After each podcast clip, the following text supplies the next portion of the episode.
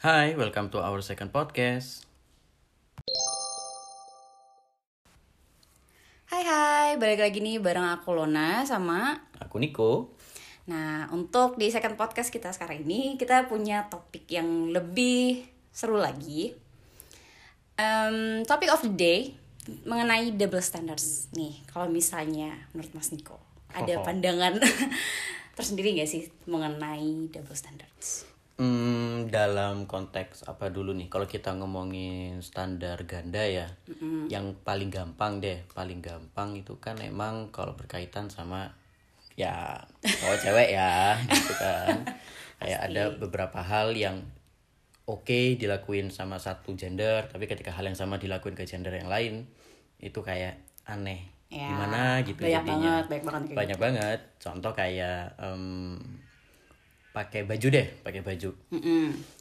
cewek pakai baju cowok oke kan dia pakai baju cewek ya emang se- emang sewajarnya gitu tapi kalau cowok pakai cewek pakai baju cowok masih oke masih bisa dimaklumi masih ya normal paling Ya. dia cewek tomboy gitu. Iya benar-benar tapi beda halnya kalau ditukar gitu kan Iya. cowok pakai baju lawan jenisnya Iya, jadi pakai kayak baju dipertanyakan masculinity-nya dia gitu loh, ya kan? Iya. Pasti di- dipertanyakan. jadi kan dipertanyakan toh ini cowok beneran gak sih ini apa gak sih gitu kan Padahal sebenarnya nggak ng- mungkin ya kalau menurutku nggak serta merta mereka tuh sebenarnya nggak maskulin atau ya tanda kutip belok gitu ya. Karena kan banyak aja nggak sih emang style style kita dalam berpakaian kan nggak harus itu itu aja. Sebenarnya iya, cuman Tapi- mungkin tapi ini ini kita kan ngomong pandangan umum ya. Kalau pandangan umum juga em, ngelihat lebih bisa dimaklumin. Aku nggak tahu awal mulanya sebenarnya dari mana gitu kan.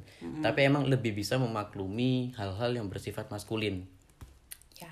Mau nggak mau diakui ya harus seperti itu gitu kan. Jadi kayak cowok bersifat maskulin memang udah seharusnya karena emang ya kita cowok harus menunjukkan ya sisi kita sebagai seorang lelaki sejati gitu kan ada harga diri cowok di situ gitu loh mm, ngerti. tapi kayaknya itu kalau ke cewek nggak terlalu apa ya nggak terlalu Masalah. eh, masalah gitu loh katakanlah cewek ke cewek-cewekan wajar cewek ke cowok-cowokan juga masih dianggap wajar gitu kan Malah dianggap kadang-kadang cewek yang agak kecewa-kecewa dianggap kayak keren gitu Malah loh. keren, kayak malah keren keren. kayak apa ya entah dari gaya berpakaian atau misalnya dia biasanya kalau cewek yang kelihatan agak kecoan gitu gayanya ada beberapa orang anggapnya itu kayak dia oh cewek tough Iya. Gitu, karena cewek strong ya wih Iya. dia, dia kayak gini nih Iya gitu benar benar dapat dapat respon kan? positif gitu Benar. kan akhirnya karena itu kayak kesimpulannya sebenarnya kita itu lebih gampang memaklumi Ya. hal-hal yang bersifat tangguh tough maskulin apa pun terlepas dari gender ya lebih gampang mengakui itu daripada sebaliknya hal-hal yang bersifat lemah yes. lembek atau dipandang nggak terlalu tangguh itu kurang bisa menerima gitu. di saat kita lemah itu kita apa ya kurang gitu loh ya Sedangkan kalau ma ya sesuai kalau pandanganku ya logisnya orang nggak akan jadi kuat kalau nggak lemah dulu. Gitu sebenarnya loh. itu cuma kan yang orang lihat tetap ya. hasil jadinya hasil akhirnya jadi Itulah. kuat atau enggak gitu kan Orang tuh kadang-kadang lupa sama prosesnya. ya Gitu, gitu, loh, proses untuk mencapai titik oh gue strong nih gitu loh. Iya. Itu kayak dilupakan begitu aja gitu. benar benar dan aku yakin juga 90% deh cowok-cowok juga pasti akan tetap memilih untuk mempertahankan maskulinitas dia Ya. gitu loh dengan entah cara berbicara kah atau cara berpakaian kah itu yang menunjukkan identitas kita sebenarnya karena kita, masyarakat kita kan kita hidup di masyarakat yang katakanlah patriarki ya boleh dibilang kan mayoritas. Jadi memang cukup menghargai hal-hal yang bersifat tangguh supaya kita dirasa bisa sanggup buat survive benar, benar. gitu kan. Hal lain di, di luar di luar baju deh misalkan ses- hal sesimpel gandengan tangan. Ya. berpegangan tangan. Ya kan? Nah, coba coba akuin aja udah.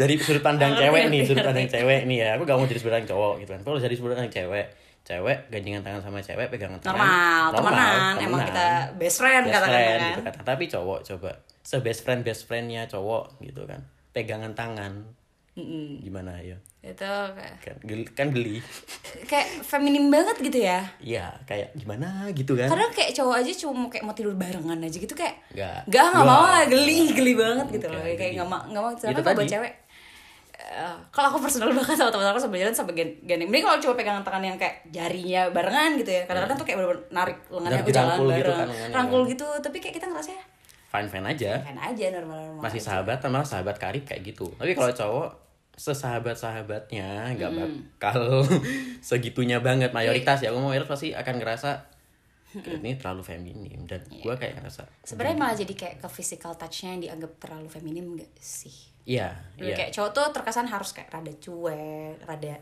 gimana ya?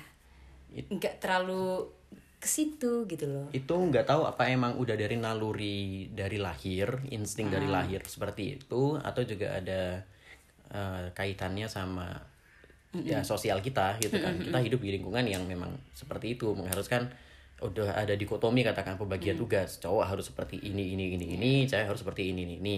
Kalau cross border akan dianggap aneh dan akan jauh lebih aneh kalau cowok cross border ke cewek gitu kan. Daripada cewek ke cowok kayak tadi Iya. busana kayak tadi yang lain sebagainya gitu loh. Iya benar. Tapi ya terutama juga kita ya di negara yang kita tinggal sekarang lingkungan kita masih belum bisa yang benar-benar menerima cowok yang tidak semaskulin itu. Beda mungkin di negara-negara barat ya gitu yang mungkin mereka udah mulai accept untuk cowok-cowok berpakaian sebebasnya mereka. Ya negara-negara barat emang lebih bebas gitu kan. Cuma dengan pandangan-pandangan kita di sini terkadang jadi susah. Entah kalau kita bilang close minded, enggak close minded sebenarnya mereka cuma mempertahankan apa yang udah ininya mereka Bukan. aja. aku nggak ngelihat ini sebagai apa perkara kayak gini nggak hanya sebatas apa nggak bisa sesimpel oh lu harus open minded jadi Iya. ini ternyata dia masih close minded nggak nggak bisa kayak gitunya juga. Karena emang eh, ada beberapa peran-peran tertentu yang butuh cowok banget gitu kan. Ada Iya. beberapa peran-peran tertentu yang butuh cewek banget Cewek gitu banget. loh sebenarnya.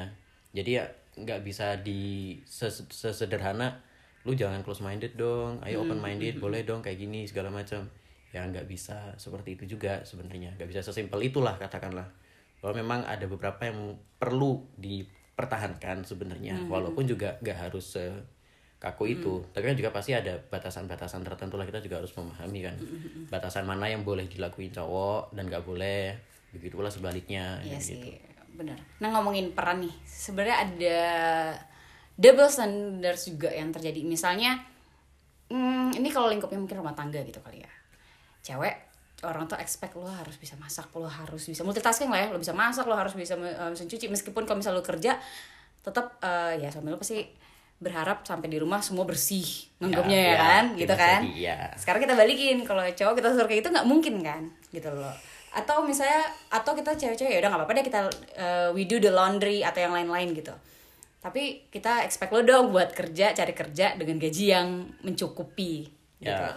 dan cowok biasanya justru malah gak terima gitu loh. Jadi kayak kalau menurut aku ada nggak seimbangnya aja di situ di saat kadang-kadang cowok menuntut cewek tapi nggak bisa kita menuntut balik. Karena memang em, mungkin mau dibilang kodratnya kali ya. Kayak Ya. pandangan umum di saat cewek itu harus eh, tunduk ke suaminya di saat eh, dalam rumah tangga. Cuma em, jadi tumpang tindih aja menurutku. Jadi kayak seakan-akan cewek nggak bisa soalnya emang itu tadi kita satu hidup di masyarakat yang entah secara sosial maupun secara religius ya agama Ya. itu patriarki.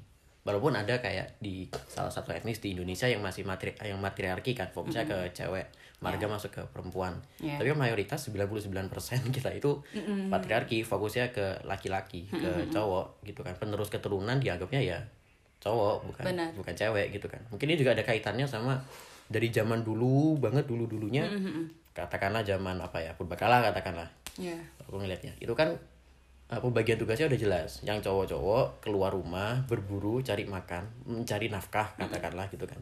Yang cewek-cewek ngapain? Jaga rumah Ya. menjahit nyiapin makan ngerawat tanah itu udah dari zaman pertama kali peradaban manusia ada pembagian tugasnya udah kayak gitu nggak sih sebenarnya dari dulunya Udah dari- karena secara fisik juga cowok lebih kuat, lebih kekar, lebih berotot. Jadi ya harusnya dia doang yang keluar cari makan berburu segala macam gitu Ya. kan. Cewek yang secara fisik juga waktu itu relatif lebih lemah, akhirnya ya mengerjakan pekerjaan domestik di sekitaran permukiman mereka. Itu kan udah jadi awal manusia punya peradaban, pembagian tugasnya udah kayak gitu. Terus akhirnya itu kayak diturunin kan. Ke sekarang-sekarang ini. diturunin makin makin perkembangan zaman juga pola pikir semacam itu nggak berubah gitu loh. Akhirnya sampai ke sekarang ini akhirnya mindsetnya adalah yang keluar rumah buat cari nafkah. Walaupun sekarang kita udah nggak berburu tapi kan Ya. berburunya bukan berburu binatang Duit buas sekarang ya. nih. berburunya duit gitu kan.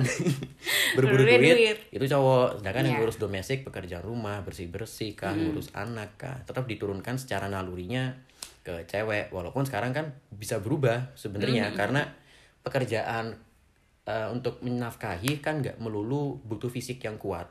Ya.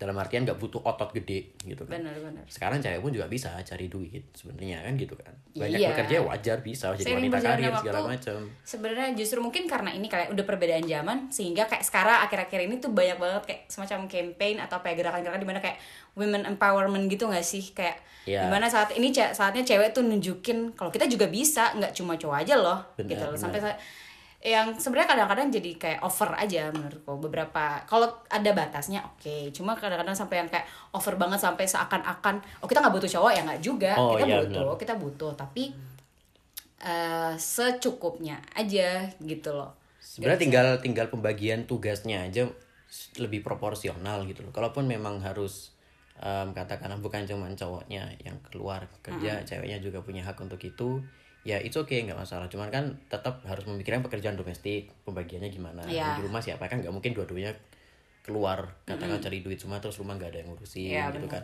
tinggal tinggal masalah teknis di situnya aja karena kan kita udah kalau udah ngomongin keluarga kan memang cukup kompleks ya gitu. Aku juga nggak terlalu tahu banyak gitu.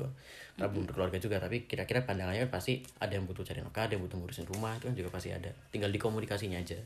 Tapi stigma kalau em, yang menafkahi itu harus cowok dan wajib em, itu iya. ada Eh, aku benernya juga tapi nggak harus. nggak harus. Aku juga justru nggak yang harus banget. Kayak aku juga personally nggak mau yang misalnya nanti setelah aku married terus aku harus apa ya? Aku diem di rumah terus nggak nggak kerja gitu. Aku nggak bisa aku tipikal yang Ya, at least misalnya gini pembagiannya misalnya nih oke suami kerja ya kewajibannya dia kerja buat rumah tangga dong. Ya. bayar listrik lah air lah segala macem lah maintenance. Ya cewek bantu-bantu dikit bisa sharing di beberapa hal. Tapi ya sisanya ya untuk perawatan diri di sini masa suami udah udah bayar hal-hal yang rumah tangga gitu ya terus masih membayarin perawatan lagi sih. Ya, kalau aku tuh lebih mungkin di situ sisinya di mana cewek bisa mandiri juga gitu loh nggak berarti sebenarnya ada pandangan kayak gini. Em, cowok cowok itu bisa sama cewek karena dia butuh cewek bukan karena mau cewek. Di saat cewek sedangkan cewek mau sama cowok karena dia mau bukan karena dia butuh. Kenapa? Gini loh kalau kalau kita ngomong nih fair-fairan ya Apa cari ini? nafkah. Cewek juga bisa nyari duit Iya. gitu loh.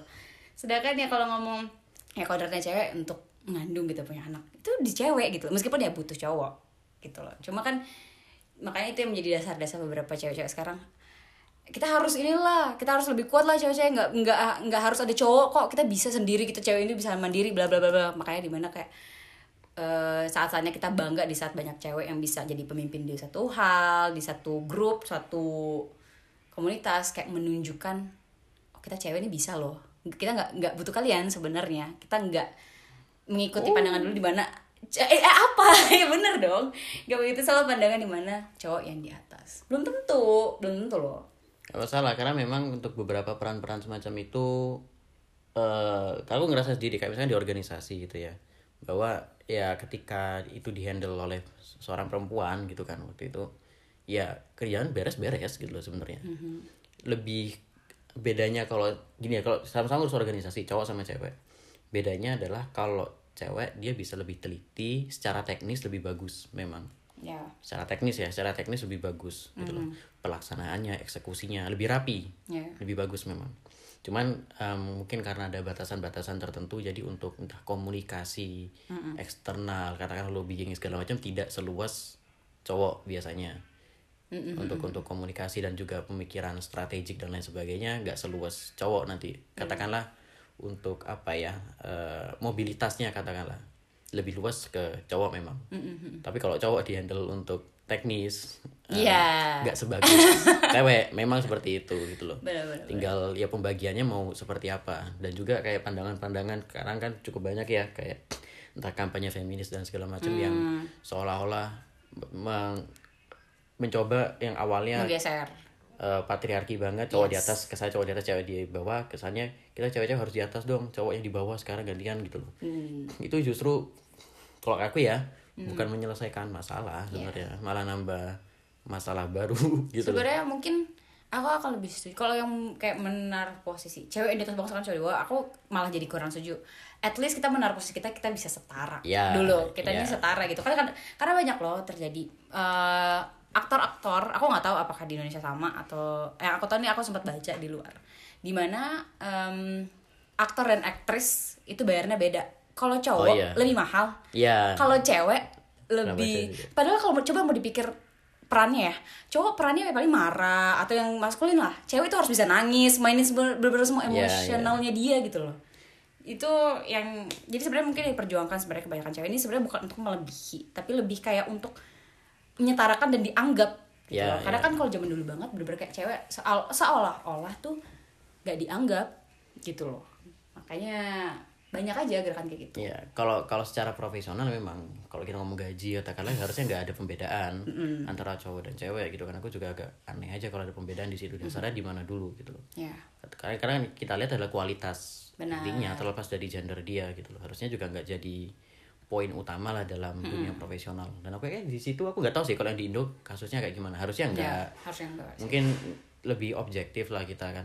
Ngelihatnya Ya. kualitas Maybe. acting gitu kan. Atau jam terbang atau gimana. Kan juga banyak kan aktris yang jam terbangnya tinggi aktor Benar, yang jam benar, terbangnya tinggi gitu.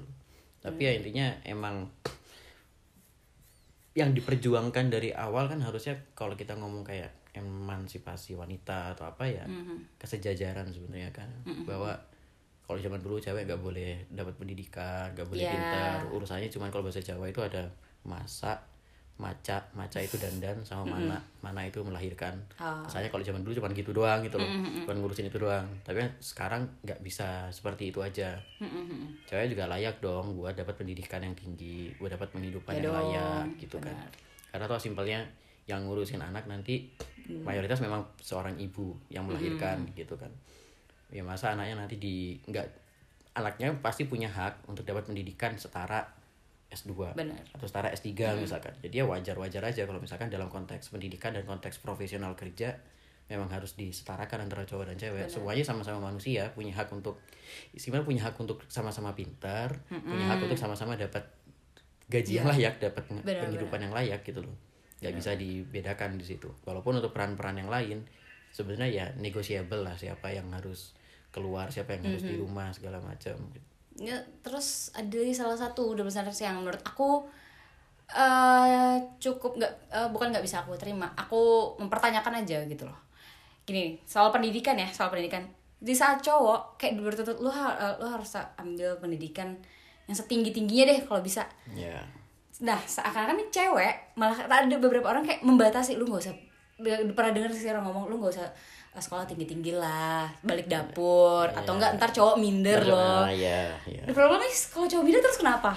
Ya berarti kan kalian nggak setara gitu loh. Iya, itu kayak karena seakan-akan membatasi. itu tadi pandangannya ya cewek mau sekolah setinggi apa pun Iya. juga ujung-ujungnya juga balik ke Balik dapur, balik ngurus anak segala Iya. macam ngapain gitu. Kalau aku justru ya kayak tadi soal anak misalkan gitu ya.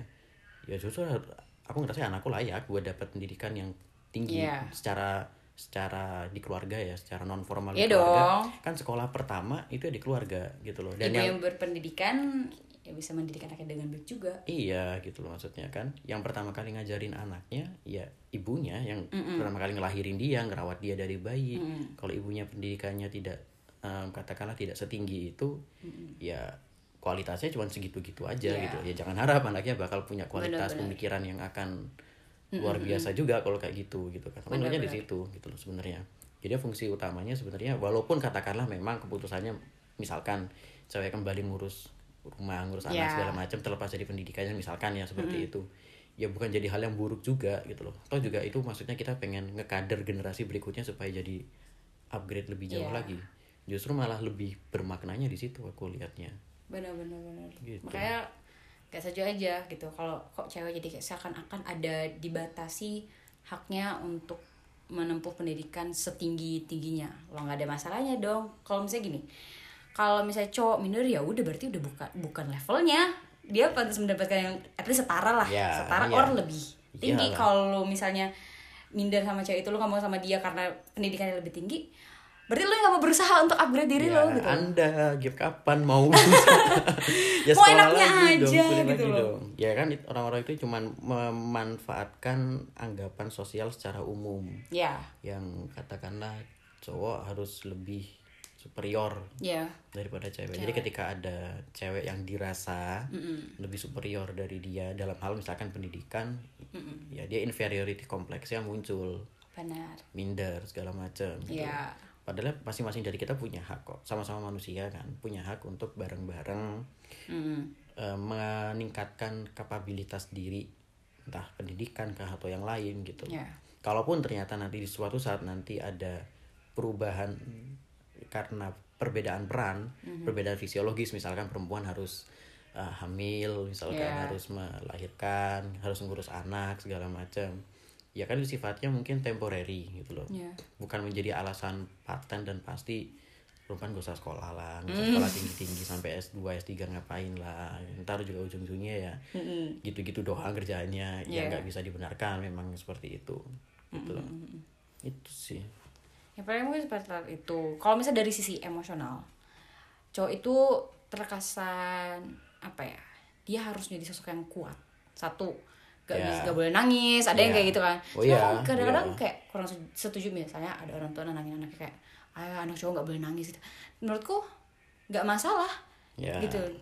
Jus- Justru di saat bukan berarti orang yang nangis itu orang yang lemah. Justru dia orang yang berani karena dia bisa mengekspres mengeluarkan emosi eh, emosinya dia gitu. Nggak nggak segampang itu loh kadang-kadang orang untuk menunjukkan emosinya Ya, dia di depan orang lain. Seakan-akan cowok lu harus tegar terus, seakan-akan lu harus kayak nggak ada masalah di hidup lu. padahal ya nggak nggak juga gitu loh. Ya. Cewek juga banyak yang kayak gitu. Gitu loh. Bukan berarti cewek lemah karena nangis misalnya dikit-dikit nangis entah nangis seneng terharu mau nangis sedih nangis drakor apa segala macam tapi anggapan orang adalah eh, kita lemah karena itu karena kita terlalu emosional ya kan karena mungkin anggapan umumnya kekuatannya cewek adalah di emosinya Iya. cowok di logiknya. Yang sebenarnya nggak bisa plek-plekan. Kita logik doang plek-plekan emosi doang. kan nggak mungkin ada yang hitam doang atau putih doang. Pasti Iya. ada yang udah putih gitu kan. Tinggal sebenarnya dominan yang mana. Iya. cowok karena logikanya kuat rasionalnya lebih kuat dari cewek. Tapi bukan berarti nggak bisa punya perasaan. Kita kita Iya. punya perasaan gitu kan. Cewek juga gitu kan. Ketika dirasa emosionalnya kuat bukan berarti nggak bisa mikir kan gitu. Iya. ada gitu kan. Bahkan cewek-cewek pintar juga banyak. Cuma proporsinya memang berbeda. Mungkin karena pengaruh ya alam naturalnya seperti itu misalkan gitu kan.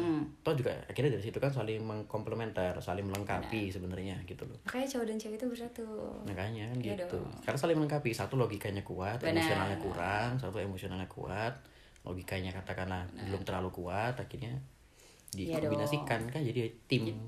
Melengkapi banget di saat yang ceweknya terlalu emosional dikasih eh, rasionalisasinya lah sama si cowoknya. Oh ini sebenarnya kayak karena gini gini gini. Iya. jadi ya redam juga emosinya gitu. Iya. saat cowoknya juga terlalu logika tanpa memikirkan perasaan orang lain datang si cewek ini? Jadi apa ya mengajarkan dia oh sebenarnya enggak saling enggak ngajarin. semuanya gitu. Iya, Nggak saling, semuanya lu bisa logika saling semua. ngajarin sebenarnya. Kan kita sama-sama manusia punya dua sama-sama punya logika akal Ya. sama-sama punya perasaan emosional gitu loh feeling hati nurani. Sem- semuanya sama-sama punya. Nggak cowok nggak cewek ya Ada. ada semua. Tinggal kita lebih mempedulikan yang mana gitu Dan- kan. kalau misalkan ternyata cowok lebih kuat logikanya ya tinggal si cewek yang ngajarin gimana cara kita bisa memperkuat emosional kita juga gitu kan. Begitu pula sebaliknya kan kita saling melengkapinya di situ.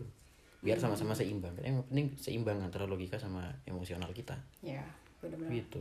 Cuma kalau ini sekarang kita agak move sedikit nih dari misalnya tentang gender.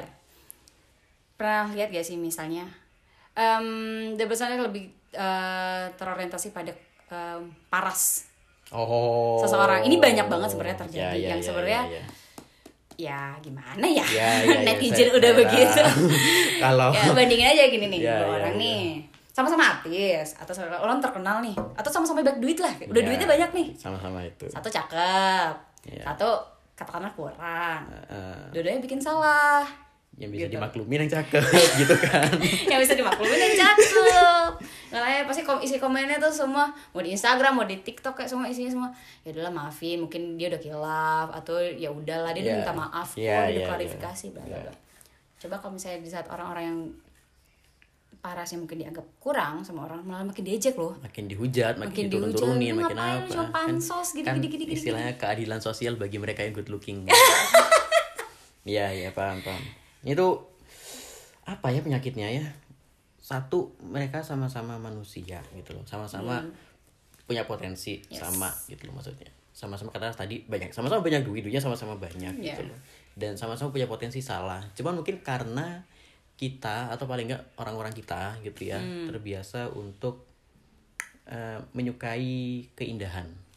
Ya menurut versi mereka masing-masing. Ya jadi dan sangat subjektif Banget. banget subjektif banget jadi ketika ada sosok yang mereka anggap indah gitu kan Yes. yang cakep kayak misalkan gitu ya bagi mereka itu keindahan yang sesungguhnya benar dia udah mau kayak gimana pun udah pasti cakep udah pasti indah jadi kalau misalkan misalkan ada salah hati nuraninya dia ya maksudnya Iya. apa di di lubuk hati dia masih oh ya udah deh nggak apa-apa Udahlah. tapi sebenarnya itu buat ngelindungin ngelindungin ego dia aja ngelindungin pemikiran dia Benar. bahwa ya udah cakep ya cakep aja udah nggak bakal nggak bakal Nggak bakal ada nggak lain-lainnya. nggak bakal ada lain-lainnya tapi ketika orang yang katakanlah nggak terlalu cakep iya. atau kasarnya jelek menurut versi dia gitu loh misalkan bikin salah akhirnya otaknya lu udah jelek bikin salah lagi iya Iya, iya iya, iya kan? Lu udah jelek begini gini gini lagi gini salah, hidup Bahkan lagi kan. sa- bikin salah kan, lagi kan nambah penyakit yang kayak Iya, gitu benar, gitu. harusnya kita nggak ter- terlepas dari apa pun itu ya nggak ngelihat dari situnya kalau kukernya dia salah atau enggak gitu. Benar. terlepas ketika Orang harus bisa membedakan harus bisa membedakan antara pandangan pribadi kita tentang Iya. fisik orang. Oh ya dia cakep. Oh iya dia nggak nggak terlalu cakep. Sama apa yang dia lakukan Iya. gitu loh. Oh salah ya tetap salah. Bener ya tetap ben apa bener ya tetap bener kan salah tetap salah terlepas siapa yang melakukan. Entah dia orang cakep atau enggak sama-sama salah sebenarnya. Hmm. cuman kan kadang kita kecampurnya di situ. Subjektifnya masih kecampur sama hal yang bersifat objektif. Ya itulah netizen. Ya penyakitnya sebenarnya di situ gak sih gitu netizen Indonesia dinobatkan sama Microsoft Oh iya, ya, sebagai netizen ter- ter apa sih? terbaru. nggak sopan apa apa ya? Bahasanya netizen ter nggak sopan Iya. se Asia Tenggara. Dan setelah itu muncul mereka membuktikan itu karena mereka langsung nyerang. Betul langsung nyerang akun Microsoft sampai komennya ditutup kan? Bener bener bener nggak ada nggak ada niatan untuk lu salah nggak harus nggak kayak gini gitu. Biar untuk mempermalukan Microsoft gitu. Enggak nggak ada. Ada. malah dibuktikan bener kan jadi Bener-bener. Microsoftnya merasa berbangga hati ya kan bener kata gue Iya bener, gak apa-apa. apa gue bilang At least nggak. itu berdasarkan fakta, hal positifnya di situ. Iya. Cuma faktanya ya jelek aja. asalkan dibuat hal positif udah nggak apa-apa cuman itu tadi kalau misalkan akhirnya ter apa namanya ya Apa? tercampur antara yang bener sama yang salah Ayo. Itu yang kadang-kadang yang kan ke twist jadinya Abu-abu. abu-abu standarnya nggak jelas jadi lu standarnya apa gitu. Bener. apakah yang cakep pasti akan selalu bener yang jelek pasti salah gitu katakanlah ya kan nggak bisa kayak gitu juga gitu loh sebenarnya kita Iya. terbiasa untuk namanya manusia sebenarnya dulu lebih em, ya itu sih karena mm, lebih menyukai keindahan kan. Padahal sebenarnya yang harusnya ditanam bener dalam diri kita yuk akhlak, Ya. moral kita gimana, value-nya kita apa. Namanya cakep apa enggak bonus gitu loh. ya kita ya kayak dari kecil deh. Terfokus ya ke fisik dulu bukan ke perilaku dulu. Jadi ya udah tertanam cakep fisik. Dengan anggapan orang yang ya simpel lagi nih deh. Kayak em sela- orang di mana pun sih sebenarnya. Indonesia mungkin juga termasuk.